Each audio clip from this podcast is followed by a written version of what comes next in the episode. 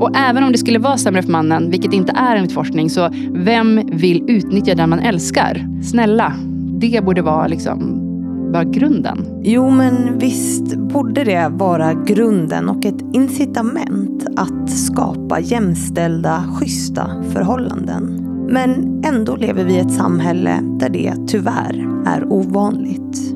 Men det vi också vet är att det inte är av ondo utan att det handlar om allt det där vi inte ser. Det osynliga arbetet som kvinnor utför. Inte bara i parrelationer utan också på jobbet och som har enorma effekter. Och det här, det är precis vad jag och Ida Östensson pratar om i veckans avsnitt. Och om hennes nya bok som handlar om precis det här. Och framförallt vad vi kan göra åt det. Och innan vi drar igång avsnittet vill jag precis som vanligt tacka min fantastiska sponsor Excitec som fortsätter sponsra podden under 2023 vilket jag såklart är väldigt, väldigt glad för. Så tusen tack för det, Excitec.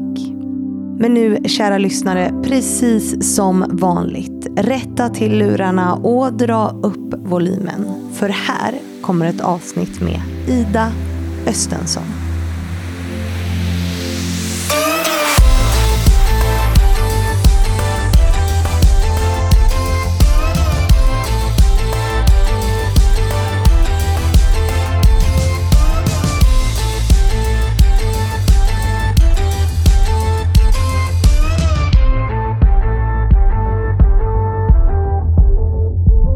Så vi säger hej och varmt välkommen till Ida Östensson.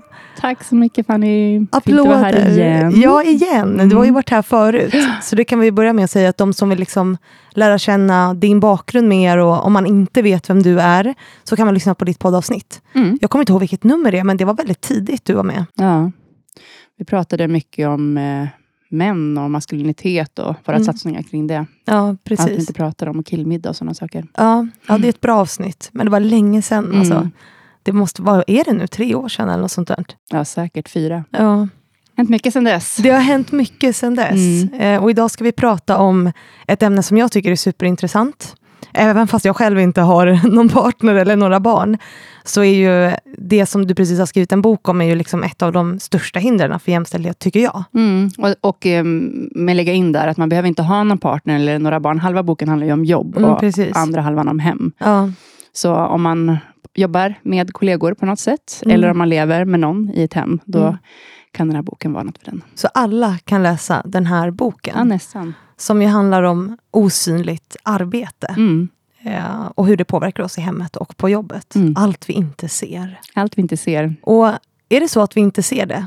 Eller liksom vad är, jag tycker det är en väldigt bra rubrik. Vi ser ju allting var och en för sig kanske, eller nästan allting. Mm. Men det är så små saker så vi tänker att det är ingen biggie. Men Mm. det vi har försökt göra är att lägga pusslet av alla de här små sakerna som vi inte ser och visa att det blir extremt mycket. Alltså, Mm.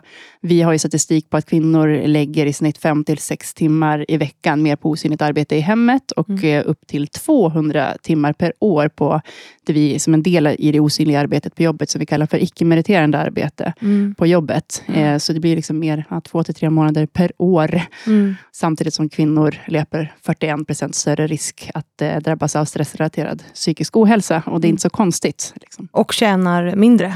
Jag tjänar mindre, får sämre pension och vi vill liksom visa hur det här hänger ihop. För oftast pratar man om att ja, men kvinnan är projektledaren i hemmet och ska man Mm. prata om de sakerna. Eller att vi inte har rätt förutsättningar och är slaskrätt på jobbet. Men vad händer om vi lägger ihop pusselbitarna? Mm. Att man är den som tar liksom all föräldraledighet eller det mesta av det och vab och Mm. är den som hybridarbetar och springer och fixar ärenden och liksom tar lunch och slutar tidigt. Allt det här påverkar ju hur man, hur man liksom relaterar till jobbet och hemmet påverkar varandra. Och vi Mm. ville liksom visa det i en helhet. Ja, det är superhäftigt. Hur kommer det sig att ni ville skriva den här boken? För det, visst tog det två år att skriva den ungefär? Ja, Sa du när- på bokreleasen? Ja, exakt. Men eh, för att vi, eh, jag och Tor, som har skrivit boken, då, Tor Utgersson, eh, Mm. författare och föreläsare och folkbildare.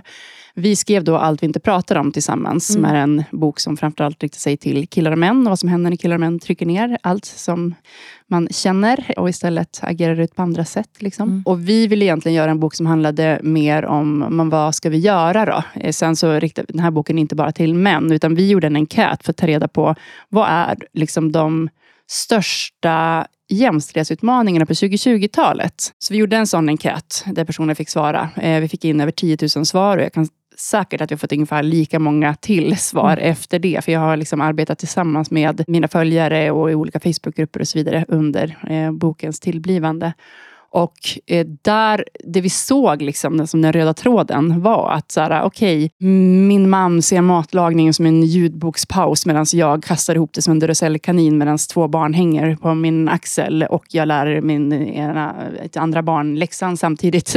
Eh, det stressar ihjäl mig. Eller jag eh, har inte en enda bild på mig själv dokumenterad för framtiden med mina barn som jag inte tagit själv. Eller, alltså du vet, det kunde vara så här, jag är alltid den som eh, styr upp, eh, tar anteckningarna på jobbet och slänger ihop powerpointen till en kollega som han sen står och briljerar med. Alltså det kunde vara lite mer små saker. Mm. Men det ihop var det som vi bestämde oss för att göra en bok kring. Men det tog mer tid, ska jag säga, att liksom forma vad ska vara med och vad är viktigt. Och Mm. dimensionen mellan i boken har vi med både våra egna berättelser, där vi har granskat oss själva och ansökat oss liksom, och testat olika saker. Vi har med de främsta experterna i de här frågorna. Vi har med statistik och den nyaste forskningen. Och vi har med mycket fokus på vad kan man göra och liksom, övningar och tips och Mm. sådana saker. Hacks, för det var också det. I enkäterna frågade vi både om utmaningar, en enkät, sen gjorde vi en samma enkät fast kring hacks. Mm. För allt går inte, de här sakerna kan man kanske inte googla sig fram till och hitta, så här gör du ett, två, tre. Liksom. Nej, och det är ju supersvårt för alla relationer är ju olika också. Mm. Alltså det finns ju ingen enkel lösning. Alltså det är lite Nej. som när vi pratar om så här, utveckla sig själv till Ja. exempel. Det är så att du kan ge en trepunktslista, bara så här löser du hela problemet. Utan Andas just, från magen så är allt löst. Nej, det är inte Nej. en sån bok. Men eh, jag tror att det är liksom, om, vi behöver få en samsyn kring det här. Mm. Det är det som tror jag är grejen. På en arbetsplats så behöver vi kunna sätta ord på allt det här som vi känner och som skaver. Och samma sak i ett hem. Så Mm. vi har också sammanställt alla faktiska saker på osynligtarbete.se så har vi Mm. gjort stora osynliga listan i hemmet och stora osynliga listan på jobbet. Mm. Och när man ser alla de här sakerna gemensamt, liksom, allt från liksom projektledning, socialt ansvar i hemmet, då, så här, köket, eh, barnen, ute, inne. Alltså, Mm. Det blir sån då tror jag, om man ser allt det här gemensamt och så kan man då prata utifrån det. Okej, vad gör du? Vad gör jag? Mm. Eh, hur vill vi ha det? Vad tar det i tid? Mm. Och så vidare. Så att man inte kör det här, ja, men jag byter ju däcken och sen står någon annan och lagar mat och nattar barnen varje dag. Det går liksom inte att jämföra. Nej. För projektledningen det är ju det här att liksom hålla ihop eh, hemmet eller jobbet då. Alltså att så här, vem, vem hämtar på dagis, vem gör det här, vem ser till att vi har nya gummistövlar eller så här, vem styr upp kickoffen. Alltså, då har jag förstått. Ja, men projektledning kanske eh, mer handlar om, eh, alltså i vår lista i alla fall, alltså, Mm. att vem är det som tänker, eh, så, okej, vi ska ha semester, vem är det som tar upp samtalsämnet? Okej, Mm. vad ska vi ha på semestern? Ska vi kontakta dem? Ska vi boka den stugan? Mm. Ska vi packa? Så det kanske inte är ett faktiska görandet alltid, men den som faktiskt ser till att det görs. Mm. Liksom. Som en projektledare behöver inte göra allt själv. Men om kvinnan både ska vara den som kommer på att saker behöver göras, planera för det och sen också göra det själv, eh, Mm. då blir det eh, ganska mycket. Superjobbigt. Mm. Och sen så pratar ni om socialt och känslomässigt ansvar också. Mm. Vad är skillnaden på dem? Liksom? Ja, men projektledning behöver inte handla om bara det sociala. Utan, men däremot det känslomässiga arbetet och det sociala ansvaret på jobbet till exempel, så kan det vara, vem är det som ser till att man eh, avtackar kollegor när de slutar eller går på Mm. föräldraledighet? Eh, Vem är det som ser till att alla blir medbjudna på lunchen? Mm. Vem är det som eh, ser att så här, shit, du verkar liksom ha varit trött några dagar, hur mår du? Vem är Mm. det som följer upp dagen efter? Hur gick det igår på det där mötet du skulle på? Mm. Alltså se till, vi brukar säga att det här är mycket av det som gör att en arbetsplats och ett hem är trevligt, alltså fungerar och är trevligt att vara på. Ja, Det är liksom inte skitgöra. Det är superviktiga saker. Det måste uppvärderas och synliggöras. Mm. På jobbet, in i liksom arbetsbeskrivningen, in i lönesamtalen. Det är ingenting som man ska liksom se att det där görs lite på sidan om av de som säger ja. Liksom. Och när det kommer till det känslomässiga arbetet i en relation, så är min upplevelse, jag, jag tror, det skriver ni också om, alltså det här att ofta kvinnorna tar mer ansvar för relationer, även i det privata. Eller ja, hur? Ja absolut. Alltså, och det visar sig ju väldigt tydligt med att män blir det ju mycket, till exempel vid en separation, så blir ju män mycket mer ensamma än kvinnor. Chockade. Ja. Verkligen. För att man har alltid haft det sociala runt sig. Man har bara inte tänkt på det här osynliga, vem det är som har sett till att det, man har de här middagarna, att man har mm. kontakt med släkten. Mm. Många skriver in till och med att, så här, att de också har ansvar för mannens släkt. Liksom, mm. och håller den kontakten vid liv. Ja, allt från att den som kollar har de riktiga samtalen med barnen, till den som ser till att de äldre i släkten har stöd och att man håller kontakten med övrig familj. Att man bygger på den egna relationen. Alltså typ parterapi. Mm. Att föreslå parterapi just till att det blir av. Jag gjorde någon sån liten poll och det var liksom, jag tror det var 98 procent av de som hade föreslagit var kvinnor. Och att så, män kan gå med på det när relationen typ är på väg att ta slut, men då är det oftast för sent. Men mm. man ser mer så här, men har du något att säga kan du säga det till mig. Man är mycket mer ovan. Eh, att, mm. som, ja, vår första bok handlar om helt enkelt ja. att vi inte pratar om. Att, pra att prata om känslor. Liksom. Ja, men också att någon annan extern ska få insyn som i parterapi. Mm. Men också har jag skrivit i boken ett kapitel om vad vi konsumerar. Alltså att kvinnor mm. mycket mer lyssnar på poddar och kollar kollar på filmer och TV och läser böcker och så vidare som är, handlar mer om relationer. Mm. Och därför kommer hem och bara så här, ja, jag hörde om den här kärlekens fem språk. Ska vi mm. göra det så vi ser hur vi vill? Eller, ja, jag hittade den här checklistan från Region Skåne. Eller eh, Män för jämställdhet. Mm. Ska vi testa det här och se? Eller Ja, jag gjorde en lista på så 12 saker som jag har gjort. Mm. Eh, och min kille har varit på allt. Alltså, mm. Vi har till och med skrivit dagbok varje dag i ett helt år, var och en för sig, för att lära känna varandra mer och liksom, i situationer. Jag upplevde att när vi till exempel hade bråk, att, det var, att jag satte ord på vad som hände och vad vi behövde göra. Mm. Och jag ville inte jag ville höra, tycker han egentligen det här? Alltså jag kände att jag hade ett övertag där. Så jag sa, vi bryter liksom, och sen skriver du och så skriver jag. Så får jag liksom, vad tänker och känner du egentligen? Så att inte jag styr vad som händer i situationen. Mm. Och han var till och med med på det och var med i morgonsoffan och pratade om det här. Alltså vi, han har verkligen varit på. Men när jag mm. frågade honom, vad har du föreslagit för att eh, vår relation ska kunna eh, bli bättre och växa med liksom mer externt stöd eller inspiration? Mm. Och han kom inte på en enda sak och vi har varit ihop i nio år. Och det är inte helt ovanligt. Nej.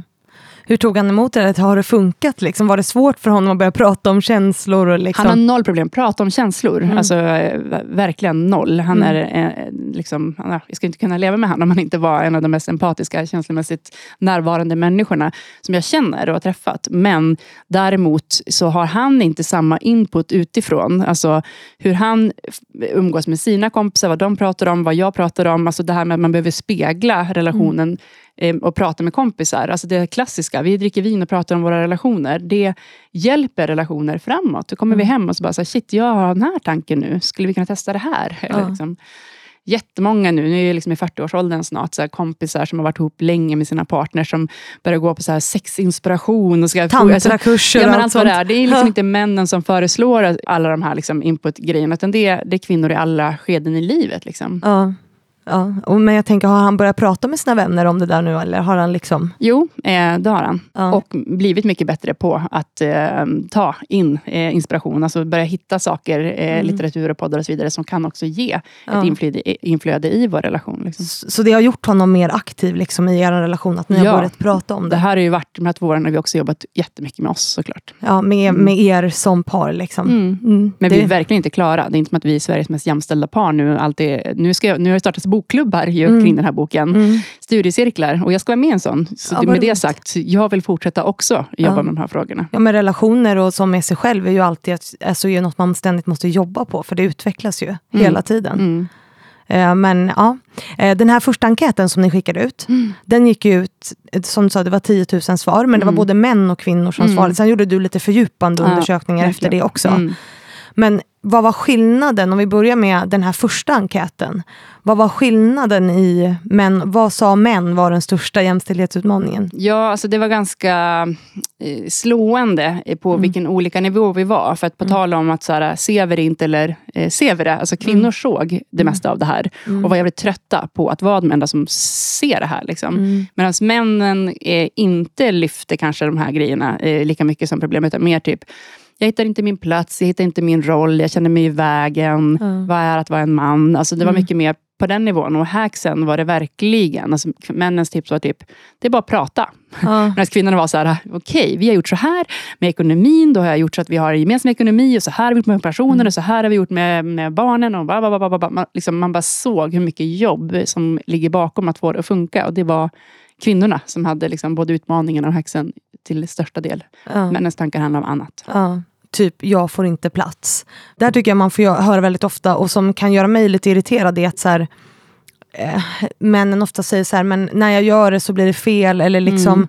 jag får inte, hon har bättre koll. Mm. Alltså det här, liksom att det är ju också en en härskare, eller vad ska man kalla det? Du kallar det för strategisk, strategisk inkompetens. inkompetens. Ja, det, mm. det, var ett begrepp som jag lärde mig under skrivandet av boken. Ja. Jag har hört det lite grann innan, men som jag verkligen har djupdykt i. Liksom. Ja. Och det finns ju i hela samhället, och på jobbet och i hemmet. Liksom. Ja. Och då har vi gjort lite humor också. Det, den här boken blandar liksom grav allvar och hård statistik med faktiskt humor. För jag tror att man behöver också kunna skämta lite på sin egen och sin relation. Så, så bekostnad. Liksom. Där vi har en som heter Mäns eh, dåliga ursäkter att inte hjälpa till i hemmet. Liksom. Där vi tar sådana olika exempel. Och där en hel del av det strategisk inkompetens. Där det handlar om att så här, men, antingen så säger jag kan inte det här, du gör det så mycket bättre för att slippa göra det. Eller att man gör någonting konsekvent dåligt för att slippa göra det i slutändan. Mm. Eh, det finns liksom olika nivåer på strategisk inkompetens. Ja, som ju är jättehemskt, tänker jag. Ja. Men jag tänker också att många män slåss med med den känslan. Mm. Alltså att man gör fel. Alltså att det ofta skylls på kvinnors kontrollbehov. Ja, men, och jag tycker det. Vi har också ett kapitel i boken som heter Lite självkritik tack. Ja. Det skulle vara lätt för mig som kvinna att göra en hel bok där vi bara så här, männen step up. Men mm. alltså, it takes two to tango. Och eh, jag kunde se ganska mycket i mitt eget beteende, på tal om det här med att självrannsaka sig själv. Så, mm.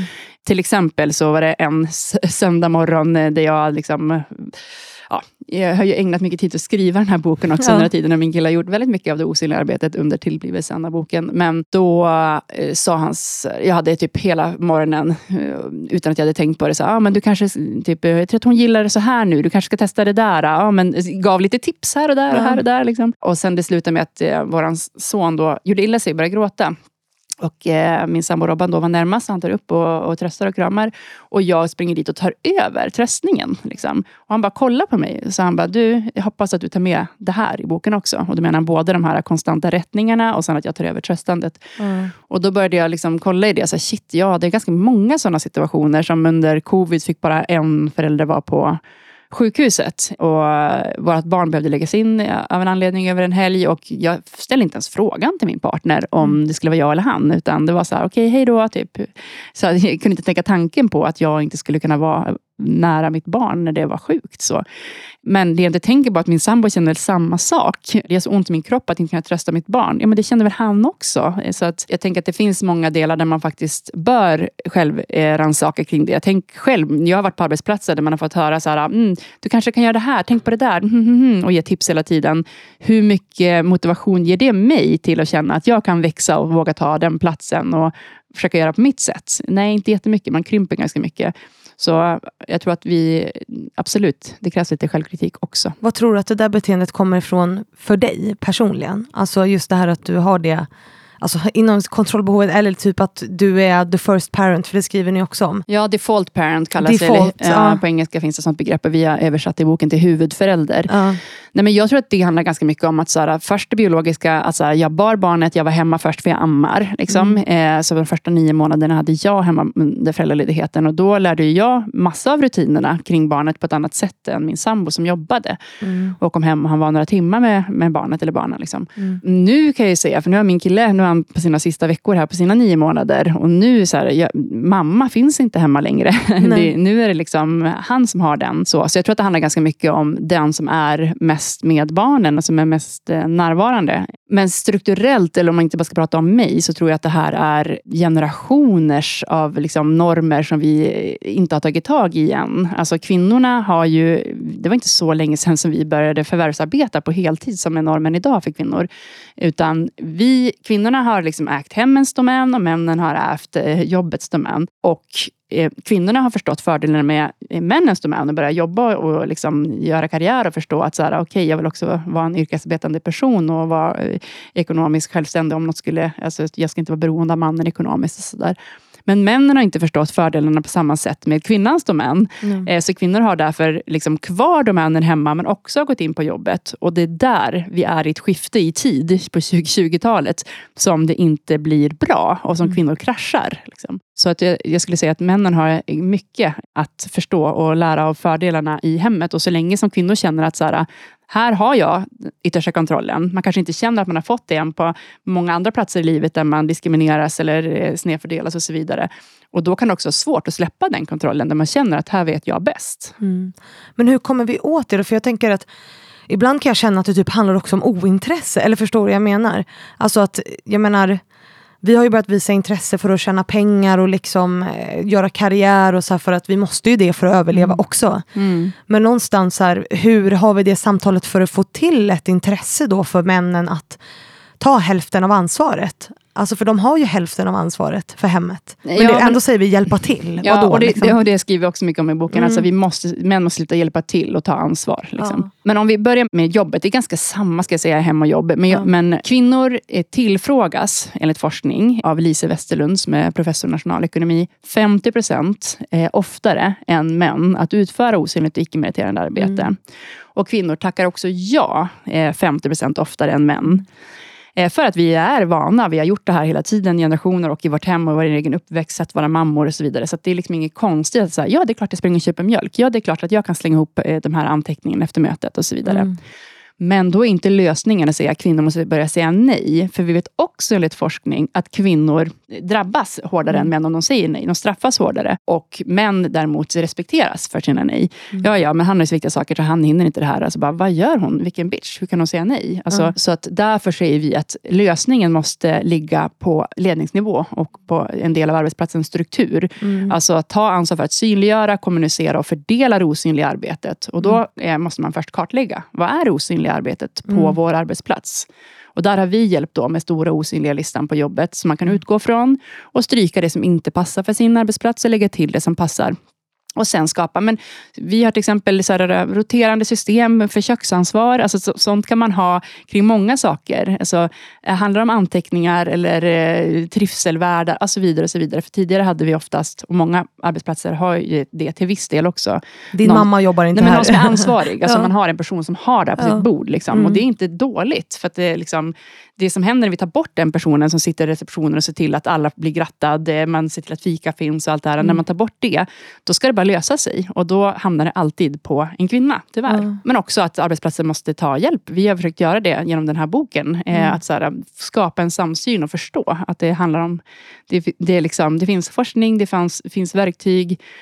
Eh, Man kan använda humor. Vi har gjort så här fixar-bingo som finns på osynligtarbete.se. Så man kan dela ut, så okej hörni, nu ska vi dra igång med osynligt arbete. Vi har skrivit en bingobricka till alla. Nu kör vi, kryssa för den som fått fem eh, kryss. Liksom. Och sen så börjar man prata om det. Okej, vad har vi här på arbetsplatsen? Mm. I hemmet så tror jag att det till män, alltså det du pratade om, det här med att inte hjälpa utan att bestämma sig för att här, se helheten och ta ansvar för sin del. För att allt man själv inte gör, det lägger man in direkt på sin partner. Och att förstå det, det är ingenting som löser sig självt.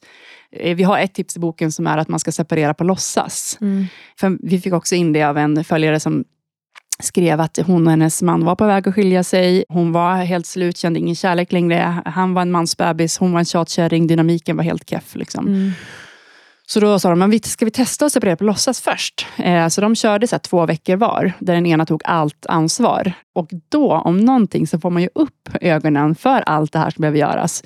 Det spelar ingen roll. Så är det vab? Är det att boka in BVC-besök? Är det att eh, man behöver köpa in strumpor? Är det att ta de här samtalen? Så man ska göra alla grejer. Liksom. Handla, laga mat, projektleda, styra upp kalas. Vad det nu än är. Liksom. Mm. Och eh, också det här med att öva upp sin EQ, alltså emotionella intelligens. Alltså, Vi har Tor, som jag har skrivit boken med. Han har eh, jobbat mycket med det i det här. Att så här, det är ingenting som kommer av sig självt. Man måste intressera sig för det. Man måste börja prata och testa och öva kring det här. Han skuggade en kollega som fixade alla de här grejerna på jobbet för att verkligen se vad är det hon gör. Liksom. Och hur gör hon det? Och sen så erbjöd han henne att ta över det. Så att han satt och bad henne, så här, nu skriver vi ner allting du gör. Så testade han det under en period och förstod att det här är ju ohållbart att det ligger på en person. Och sen såg de till då att arbetsgivaren förde in det här i, i en struktur. Och till kvinnor skulle jag säga att så här, man måste fundera över, det positiva måste överväga det negativa och inte låta romantiska föreställningar stå i vägen för insikten att vardagslivet kommer inte organisera sig på egen hand. Alltså, man kan inte vänta ut situationen, för det är då det går åt helvete. Om jag skulle börja dejta nu så skulle jag ju på en gång fråga om allt kring föräldraledighet och ekonomi och hur man har i ett hem, så att vi vill ha det någorlunda och vill man dela rättvist på det i hemmet. Alltså, mm. Sådana saker tror man bara ska hända och sen så står man där i en vardag och bara, jaha, mm. Säger du att om du vill ha det på det här sättet, så här städat, så får du fixa det själv och du vill ha en helt annan nivå. Mm. Vi kanske inte ens är kompatibla att leva ihop. Liksom. Mm. Jaha, du vill inte vara föräldraledig och heller inte pensionskompensera mig. Nej, men hur ska jag liksom ha det i framtiden? Alltså, mm. Sådana saker är ju så viktiga. Och vi tar mycket andra samtal, men kanske inte de absolut viktigaste. Och det vill vi också försöka hjälpa.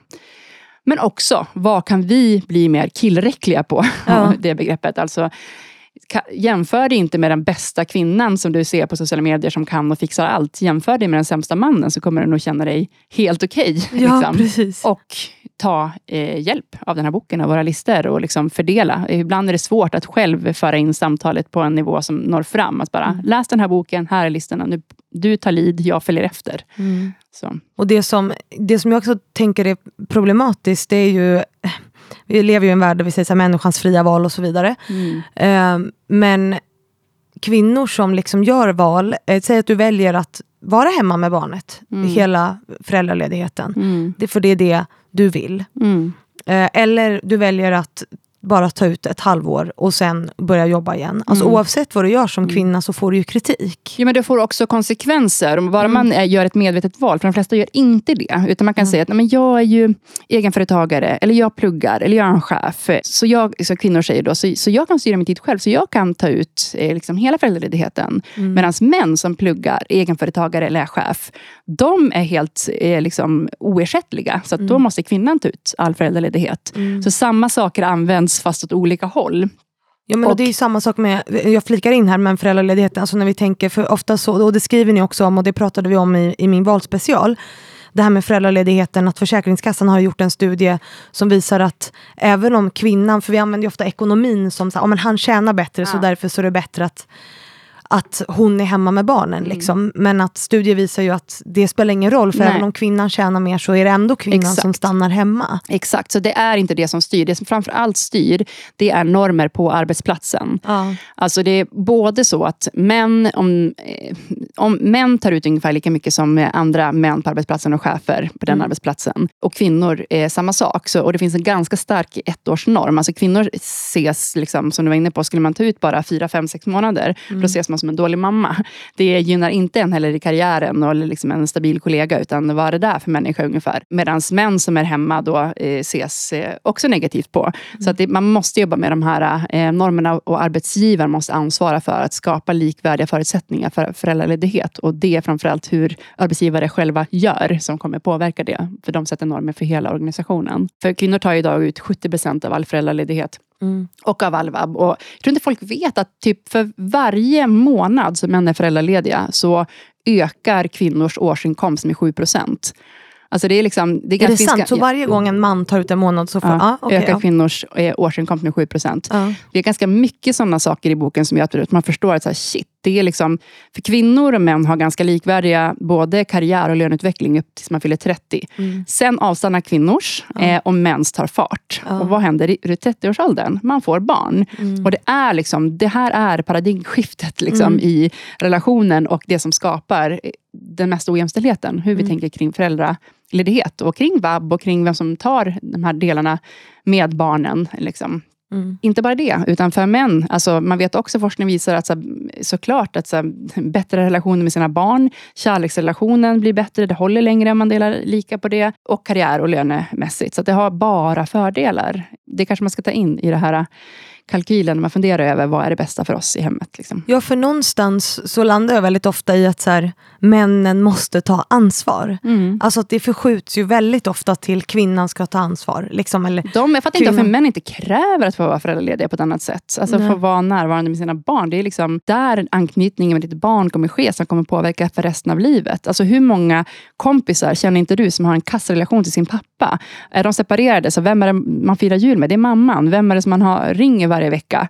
Eh, det är mamman. Alltså, det, det måste också män tänka på, på, Ja. på det långsiktiga. Och relationen till sina barn. Alltså Ja. det, är ju, det är ju så enormt jäkla viktigt. Mm. Och jag tycker också, vi pratade, för vi var inne på det lite innan, eh, och jag vet att ni skriver om det också, att eh, det här med att ha kontroll och kontrollbehovet, Mm. eh, att vi på något sätt också då säger att vi ska om vi säger till kvinnor så här, släpp ett kontrollbehov eller så här hit och dit, att vi ska liksom acceptera en lägre nivå. Förstår du vad jag Mm. menar? Det är väl okej om barnen äter snabbmat när pappan...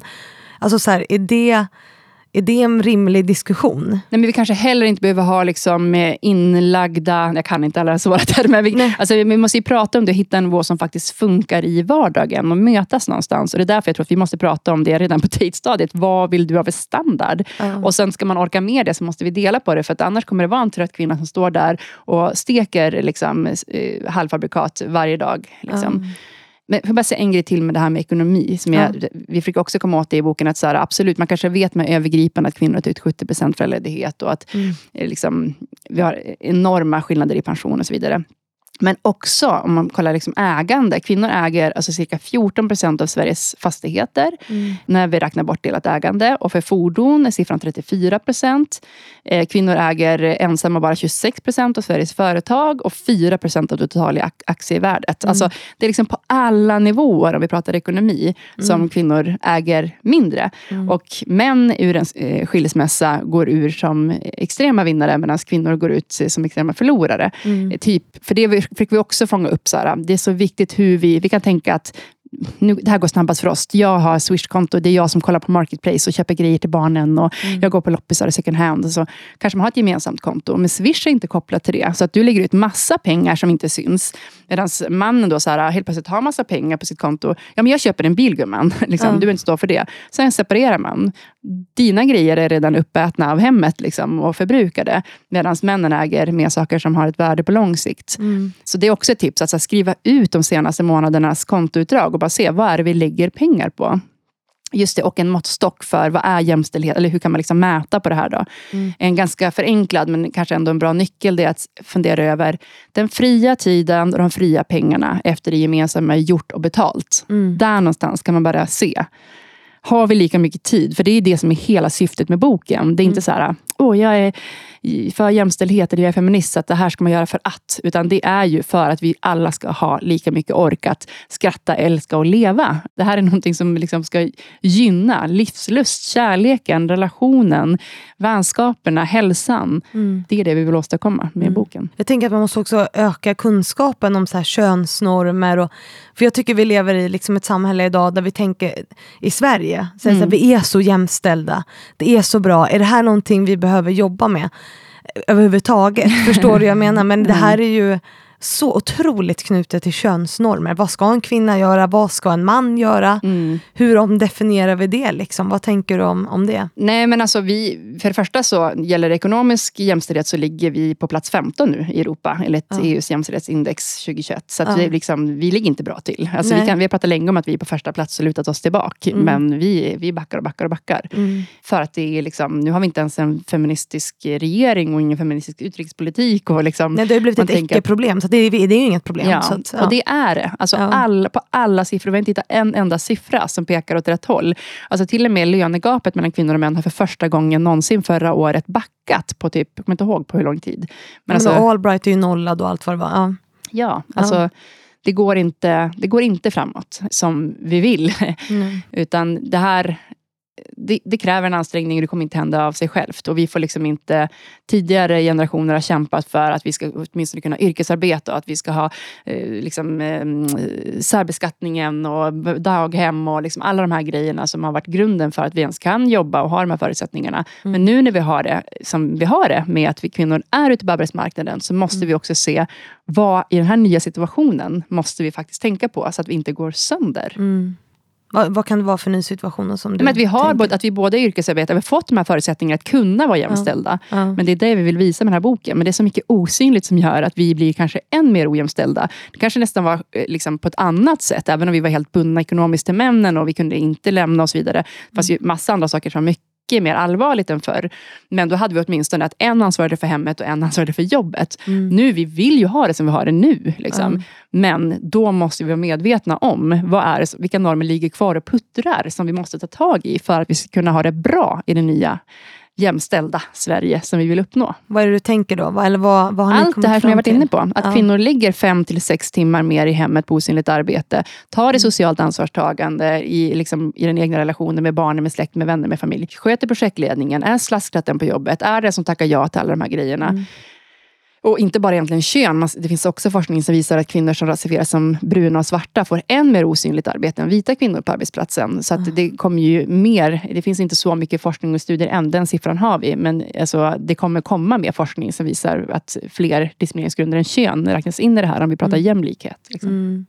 Att de får det också tio gånger värre. Ja. Och de kommer inte få det bättre nu heller. Men också det som handlar om DNI-arbete, alltså eh, verksamheter i företagets jämställdhet och inkluderingsarbete. Den årliga rapporten eh, Women in the Workplace från eh, McKinsey visade 2022 att nästan 70 procent av företagen som medverkade anser att det arbete som anställda gör för att främja mångfald och jämlikhet och inkludering är mycket eller extremt viktigt. Och ännu ett större antal säger att det är mycket viktigt att cheferna gör den typen av insatser för att stödja medarbetarnas välbefinnande.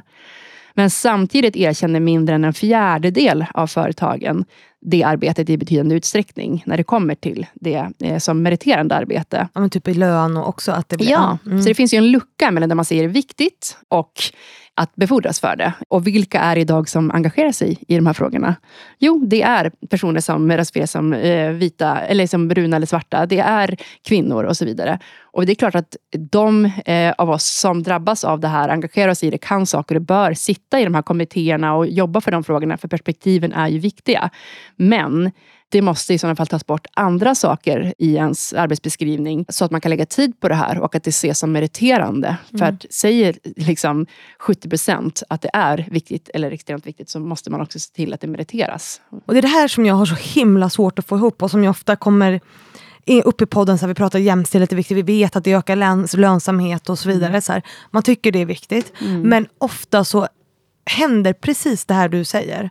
Att vi sätter oftast en kvinna på att jobba lite med jämställdhetsfrågorna, starta något kvinnligt nätverk och hon får inte betalt för det. Och det är inte meriterande. Nej. Och det där gör mig tokig varje gång. Alltså, och, och då är så här, för, för det som du säger, det handlar ju om så här, värderingar, vi tycker det här är viktigt. Men man agerar ju inte Nej. utifrån det. Exakt.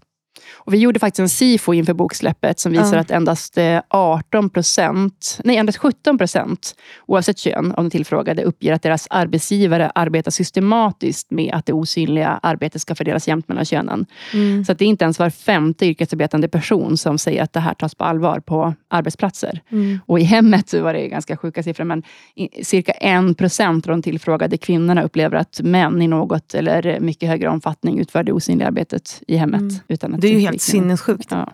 En procent, alltså då, Ja. Då är det 99 procent som upplever att de gör allt osynligt arbete då. Eller Nej, de det kan ju också vara om man delar lika. Det finns ju Ja. det är olika skalor. Utan det var över hälften i alla fall av de tillfrågade som upplever att kvinnor i någon eller mycket högre omfattning utför det osynliga arbetet i hemmet. Medan Mm. det bara var 26 procent av männen som tyckte att det var fler kvinnor som gör det. Eh, Så att vi har ju också ett gap av att vi ser det här Mm. osynliga. Det är därför vi vill göra listorna, göra den här boken för att skapa en gemensam syn på Mm. vad, vad kan det här vara? För att är man den som gör det så är det klart man ser det Mm. på ett annat sätt. Och kan vi inte bara fördjupa oss lite mer i det här osynliga arbetet på jobbet? Jo. För det här var också något som min sponsor Excitec ville höra mer om. Vi har ju pratat om det, men för jag tänker att just det här samtalet om osynligt arbete i hemmet, det är ju ganska aktivt, eller jag kanske har fel, det kanske är för att jag har en filterbubbla, så att jag, och pratar om det ganska ofta i podden, alltså det här osynliga arbetet att projektleda med gummistövlar och regn, och vem som fyller år, vem som ska ha present och present till eh, förskollärare och så vidare. Mm. Men, men på jobbet, eh, men- alltså vad, Vad är det? Ja, men exakt. För du har nämnt det lite grann, men jag Ja. tänker att vi kan bottna lite mer i det. Men vi är väldigt inspirerade. Alltså det är det här som du säger också, Mm. samma egentligen som hemma. Alltså vem är det som springer och köper så att det finns liksom, eh, laktosfri mjölk, mjölk och havremjölk och kakor och allergier. Du vet, och vem är det som fyller år och firas av Mm. och ser till att alla är med. Allt det här vi har pratat om, eh, tar anteckningarna av det. Men, men vi är också väldigt inspirerade av, eh, jag nämnde henne innan, Lise Westerlund som Mm. är dansk professor i nationalekonomi. Hon är också chef på University of Pittsburgh i USA. Och mycket av hennes forskning överlag handlar om könsskillnader på arbetsmarknaden. Och hon har bland annat undersökt just obetalt, osyn, obetalt arbete och osynliga eh, uppgifter. Och hennes forskning så använder hon termerna non-promotable work och non-promotable tasks. Mm. Och i Sverige, så, eller vi översätter i boken till icke-meriterande arbete och icke-meriterande arbetsuppgifter. Och enligt henne så är det då något som hjälper företaget eller organisationen du arbetar på. Det behöver göras för att få det att gå runt. Liksom. Mm.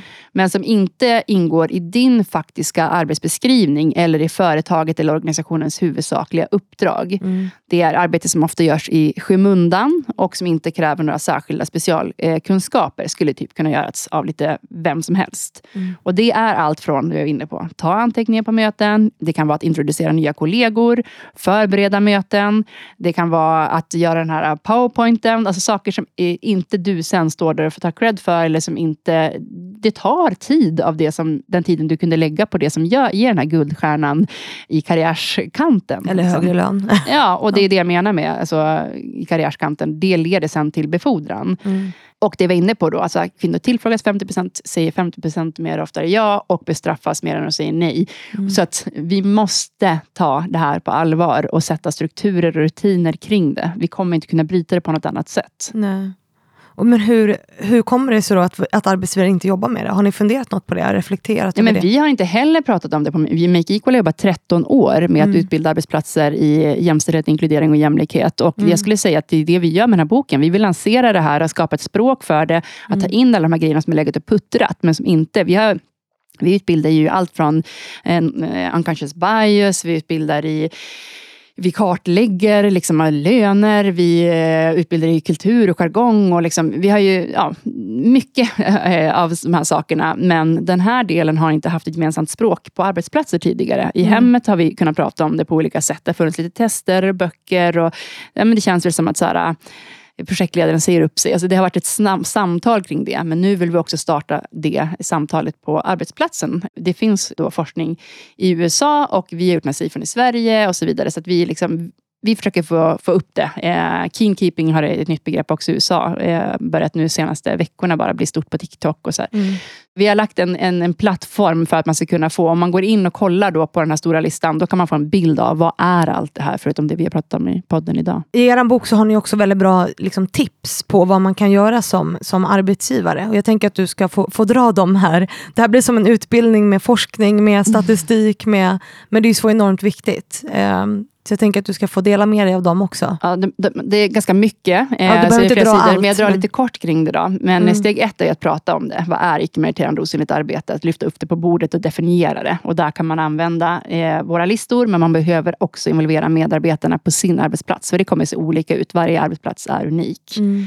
Sen så har vi mm, att det, man kan göra det genom enkäter och hur man kan involvera. Lite tips kring det. Vi har också eh, uppmanat arbetsgivare att eh, i sin tur uppmana sina medarbetare att börja se över hur mycket icke-meriterande arbete var och en gör. Alltså, mm. Och också då berätta, det här är vad det är för någonting.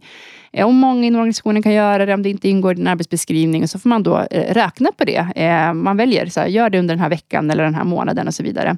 Och sen ta upp det då i arbetsbeskrivningen om det är någonting som faktiskt är, okej okay, det här behöver vi och om du gör det här, det är du som ska göra det, då ska det in i din arbetsbeskrivning. Och eh, annars så ska vi hitta system för att fördela det helt enkelt. Och det är nästa punkt, att skapa roterande turordningsscheman där alla på arbetsplatsen ingår. Allt från städveckor eller köksansvariga. Eh, vem är det som plockar in och ur diskmaskinen som annars liksom slentrian hamnar på vissa, slänger sopor, källsorterar. Och eh, man kan lägga lappar med ett namn i en låda och dra om det är anteckningar eller kanske till och med köna frågan. Eh, mm. om man vet att det är kvinnor som oftast tar anteckningar till exempel på möten. Så vem av män där runt borden, bordet kan ta anteckningar idag? Mm. Alltså för att synliggöra att vi ser att det här händer och nu kommer vi liksom inte låta det hamnar igen på kvinnor. Så skriva in det ni upptäcker i konkreta trivselregler. Vi har eh, skrivit in i medarbetarpolicys, att i arbetsbeskrivningarna, att eh, det ska värderas i befordringar och lönesättningssamtal. Eh, att det medarbetare och lönesamtalen skrivs in som en punkt. Mm. Man måste skaffa sig kunskap om ovetna fördomar kring de här frågorna. Boken är ett sånt sätt. Införa kunskapsspridning där man går igenom vad finns det för osynliga arbetsuppgifter. Berätta om hur de genomförs för att skapa en samsyn kring det så att ingen kan komma med sin strategiska inkompetens och säga att jag vet inte hur man slår på diskmaskinen eller vad det nu är. Och såklart också att ha uttalade åtgärder om någon inte tar sitt ansvar. Mm. Hur lyfter man det med individen så att det inte är någon som kan glida år ut och år in? Liksom. För alla förtjänar inte bara att ha en bra work-life balance utan också en bra work-work balance. Mm. Alltså en bra uppdelning mellan meriterande och icke-meriterande arbete. Mm. Och då behöver man jobba systematiskt med det här på arbetsplatsen. Och det är ju jättebra, men varför ska man göra det här då? Vad, liksom, vad, är, vad är syftet med det? Förutom att folk ska må bra och ha en work-work. För att, ja. vi, vi pratar ju ofta om att typ jämställdhet eller mångfald, att det är, så här, det är lönsamt, mm. eh, alla ska ha lika värde och så vidare. Och det är det. Jag vill också säga att det här ja. faktiskt är lönsamt, för det handlar också om att som arbetsgivare använda sin personals kompetens mm. på rätt sätt. Mm. Och det gör vi ju inte om det är så att det hamnar på någon som kanske har en helt annan kompetens som den bör göra. Liksom det ger också förutsättningar för att på riktigt ge lika förutsättningar för likvärdig löne och karriärutveckling. Mm. Men också så skapar det bättre trivsel. För det kommer vara så att samma sak som i ett hem, man blir till slut jävligt less på att vara den som går och plockar och fixar och inte känner att man blir sedd eller behandlad på rätt sätt. Mm. Eh, och stör sig på den där snubben som glider. Liksom. Och den snubben som glider kanske kommer må mycket bättre av att också vara, eh, liksom, få lära sig att förstå att okej, okay, det här behöver jag göra. Då kommer jag bli mer omtyckt kollega. Och framför allt socialt ansvar. Att så här, okay, vi kanske ha liksom rutin på att kolla upp, eh, mm. prata om så här, hur följer vi upp när någon inte ser ut att må bra. Vad är, våra, vad är medarbetares ansvar för att följa upp samtal och så vidare. Mm. Men också att det förebygger eventuell utmattning. Det är en superviktig åtgärd för att sänka sjuktalen bland kvinnor och därmed också sjuklönekostnaderna och eventuella nyrekryteringskostnader för mm. Eh, organisationen i stort.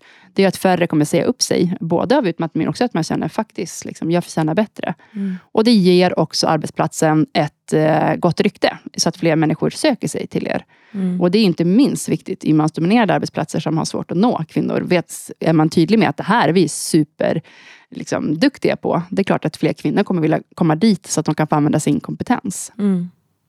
Och nu, nu har vi pratat om så arbets, alltså företagens ansvar, eh, vilket är superviktigt som arbetsgivare också. Hur vi kan ta ansvar för det här i, i relationer. Mm. Och det, men det blir också på något sätt eh, alltså hur vi tar ansvar som organisationer eller som individer. Mm. Men det här är ju också, och det, det pratade vi om innan vi startade podden, att eh, så här, min resa jag har gjort och så här, insikten om att det här är ett strukturellt mm. problem. Alltså, mm. Det handlar inte bara om att här, vi som individer ska ta ansvar i våra relationer eller att vi som arbetsgivare ska ta ansvar. Utan också att vi måste komma åt den här strukturen mm. som ju gör att eh, kvinnor och män hela tiden hamnar för att kvinnor drabbas, alltså vi har ju kanske väldigt jobbiga effekter när det kommer till ekonomi, sjukskrivna och så vidare, men män drabbas ju också av det här. Mm.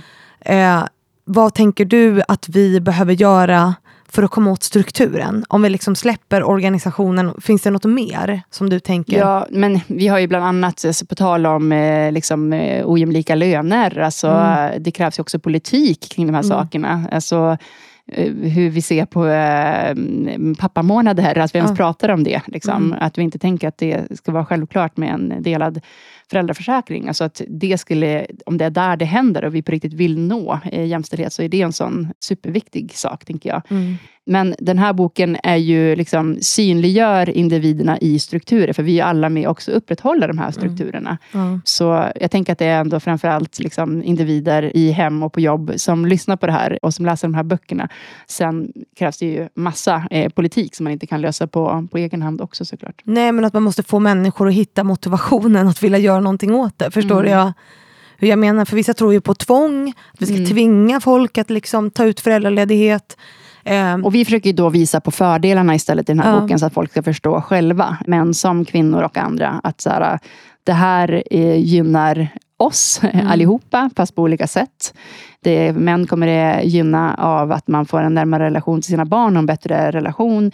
Eh, mer till, sex, brukar jag säga. ja, mer sex. det ja, brukar exakt. motivera. ja, nej, men, jag menar, kom ihåg när det var så här, feminister och bättre sex och folk vad menas med det? Så, jo, men är du så att du har relationen med någon känner att så här, jag, jag eh, funkar ändå inte till något. Det är ingen som, jag gör inte rätt. Och liksom, så, som jag har mycket sådana berättelser i boken. Mm. Och, och, kvinnan tycker att vad är det här för mansbebis som sitter där och, i offerkoftan och, och mannen tycker att hon är någon liksom, slavdrivare och fittpiska och allt Ja. det ord som används. Liksom. Då, det kommer ju inte bli ett roligt liv och det är väl det vi vill komma åt. Liksom. Snälla, vi, vi vill bara leva och ha kul och få vara kära och skratta och knulla och allt det här som vi vill göra. Men vi vill också kunna leva på ålderns höst och vi vill också kunna ha likvärdiga ekonomiska förutsättningar eh, så att man inte fortsätter att vara beroende av varandra. Liksom. Just det där med eh, ekonomi. Alltså vi har, det tror jag att framförallt Tor blev helt chockad med skrivit om. Att det är liksom så himla stor eh, skillnad på alla nivåer. Jag tror att när man läser den delen i boken så tror jag, alltså, tänk, alltså jag tror att det var var tredje barn har en pappa som tar ut mindre än 30 dagar av sin eh, föräldrapenning. Alltså, det, är- det är så deppigt liksom. Mammor är borta i snitt 14,5 månader från arbetslivet under barnets första två år. Pappan är borta 3,8 månader. Man brukar prata om att eh, papporna eh, tar ut en tredjedel av föräldraledigheten, men det stämmer inte. Utan för det handlar också om regler kring eh, när barnet är ett år för att få behålla sin SGI så måste man liksom ta ut full tid. Så att om man ska räkna med den faktiska tiden som spenderas hemma och borta från arbetsplatsen så är det faktiskt en femtedel av tiden. Ja. Och det är väl ändå den tiden med barn eller frånvaro från arbetet som vi borde prata om när vi lyfter statistik om jämställdhet i relation till föräldraledighet. Det är ganska mycket vi är blind för. Vi tycker att en tredjedel är jättelite, men när det är en femtedel liksom, och när vi vet vad det sen leder för ekonomiska konsekvenser på sikt så är det förödande. Och vända på retoriken att liksom männen skulle få det sämre. Förstår du? Ja? För många pratar ju om att här, männen inte vill ta ansvar för att de får det sämre, de får mindre makt, de får mindre pengar. Men, Men så är, Bättre relation till barnen, bättre kärleksrelation, bättre familjeliv. Check, check, check. Alltså, Det är väl det vi försöker säga i den här boken. Ja. All forskning visar det. ja. Och även om det skulle vara sämre för mannen, vilket inte är enligt forskning, så vem vill utnyttja den man älskar? Nej. Snälla, det borde vara liksom bara grunden. Det borde ju vara det som är grunden i, i, i allt kan man Ja. ju tycka. Ja. Verkligen. Men då känner jag att vi ska avrunda nu. Om du inte känner att det är något vi har missat. Nej, men det är väl bra om jag slutar med check, check, check. check, check, check. Jag tror också att vi nu hade introt till eh, avsnittet. Så jag lägger alltid in ett utklipp i början och det Ja. där eh, blev starkt och bra, eh, tycker jag. Vem vill inte liksom ta hand om den man älskar? Alltså, Ja. det borde ju vara grunden i Ja. allt det här och ändå så måste vi sitta och rabbla upp fakta. Det är ju helt... Nej, men för jag tror inte att män medvetet försöker utnyttja den man älskar eller att arbetsgivare vill utnyttja kvinnor. Jag tror som sagt att det är allt vi inte ser. Det är osynligt och det är det vi vill synliggöra med den här boken. Ja. Men där behöver vi hjälpas åt allihopa. Så vi verkligen hoppas att så här, listan och allt det här är helt gratis på osynligtarbete.se. Mm. Och vi hoppas ju såklart att folk vill köpa och läsa boken. Jag ska och, skicka den till massor av folk jag känner. Ja, men ge den till sin chef, här. ge den till, sin, ge den till en man om det är framförallt kvinnor som lyssnar. Ja. Och säg, du tar lid på det här och jag hakar på. För Mm. vi vill inte att kvinnor ska projektleda även detta. Nej, utan låt eh, männen eh, Mm. göra den här osynliga listan. Och, eh, Exakt. Att vara den som bjuder in till samtalet. Liksom. och att det också blir ett uppvaknande. För det som du säger, allt vi inte ser. Mm. Alltså att det är ju omedvetet, eh, hoppas jag. Jag hoppas, nu fick jag en tanke, det har ju startats massa bokklubbar. Eh, vi har Mm. en Facebookgrupp där folk har gått med. Man kan söka på allt vi inte ser bokklubb. Mm. Men det är framförallt kvinnor som har gått med i den. Liksom. Mm. Men jag vill ha massa manliga bokklubbar om det här. Där verkligen män funderar tillsammans vad vi kan göra. Liksom. Mm. Men framförallt också könsblandade grupper. Jag tror vi behöver Mm. prata med varandra Mm. också för att förstå. Så att det inte bara blir separatistiska rum. Liksom. Nej. Nej. Men du, då säger vi tusen tack för att du har varit här helt enkelt. Och att du har delat med dig av sjukt viktig kunskap. Tack för att jag fick vara med. Och tusen tack till alla er som lyssnat på veckans avsnitt. Jag hoppas att ni får en fortsatt bra vecka och sen så hörs vi ju på onsdag igen, precis som vanligt.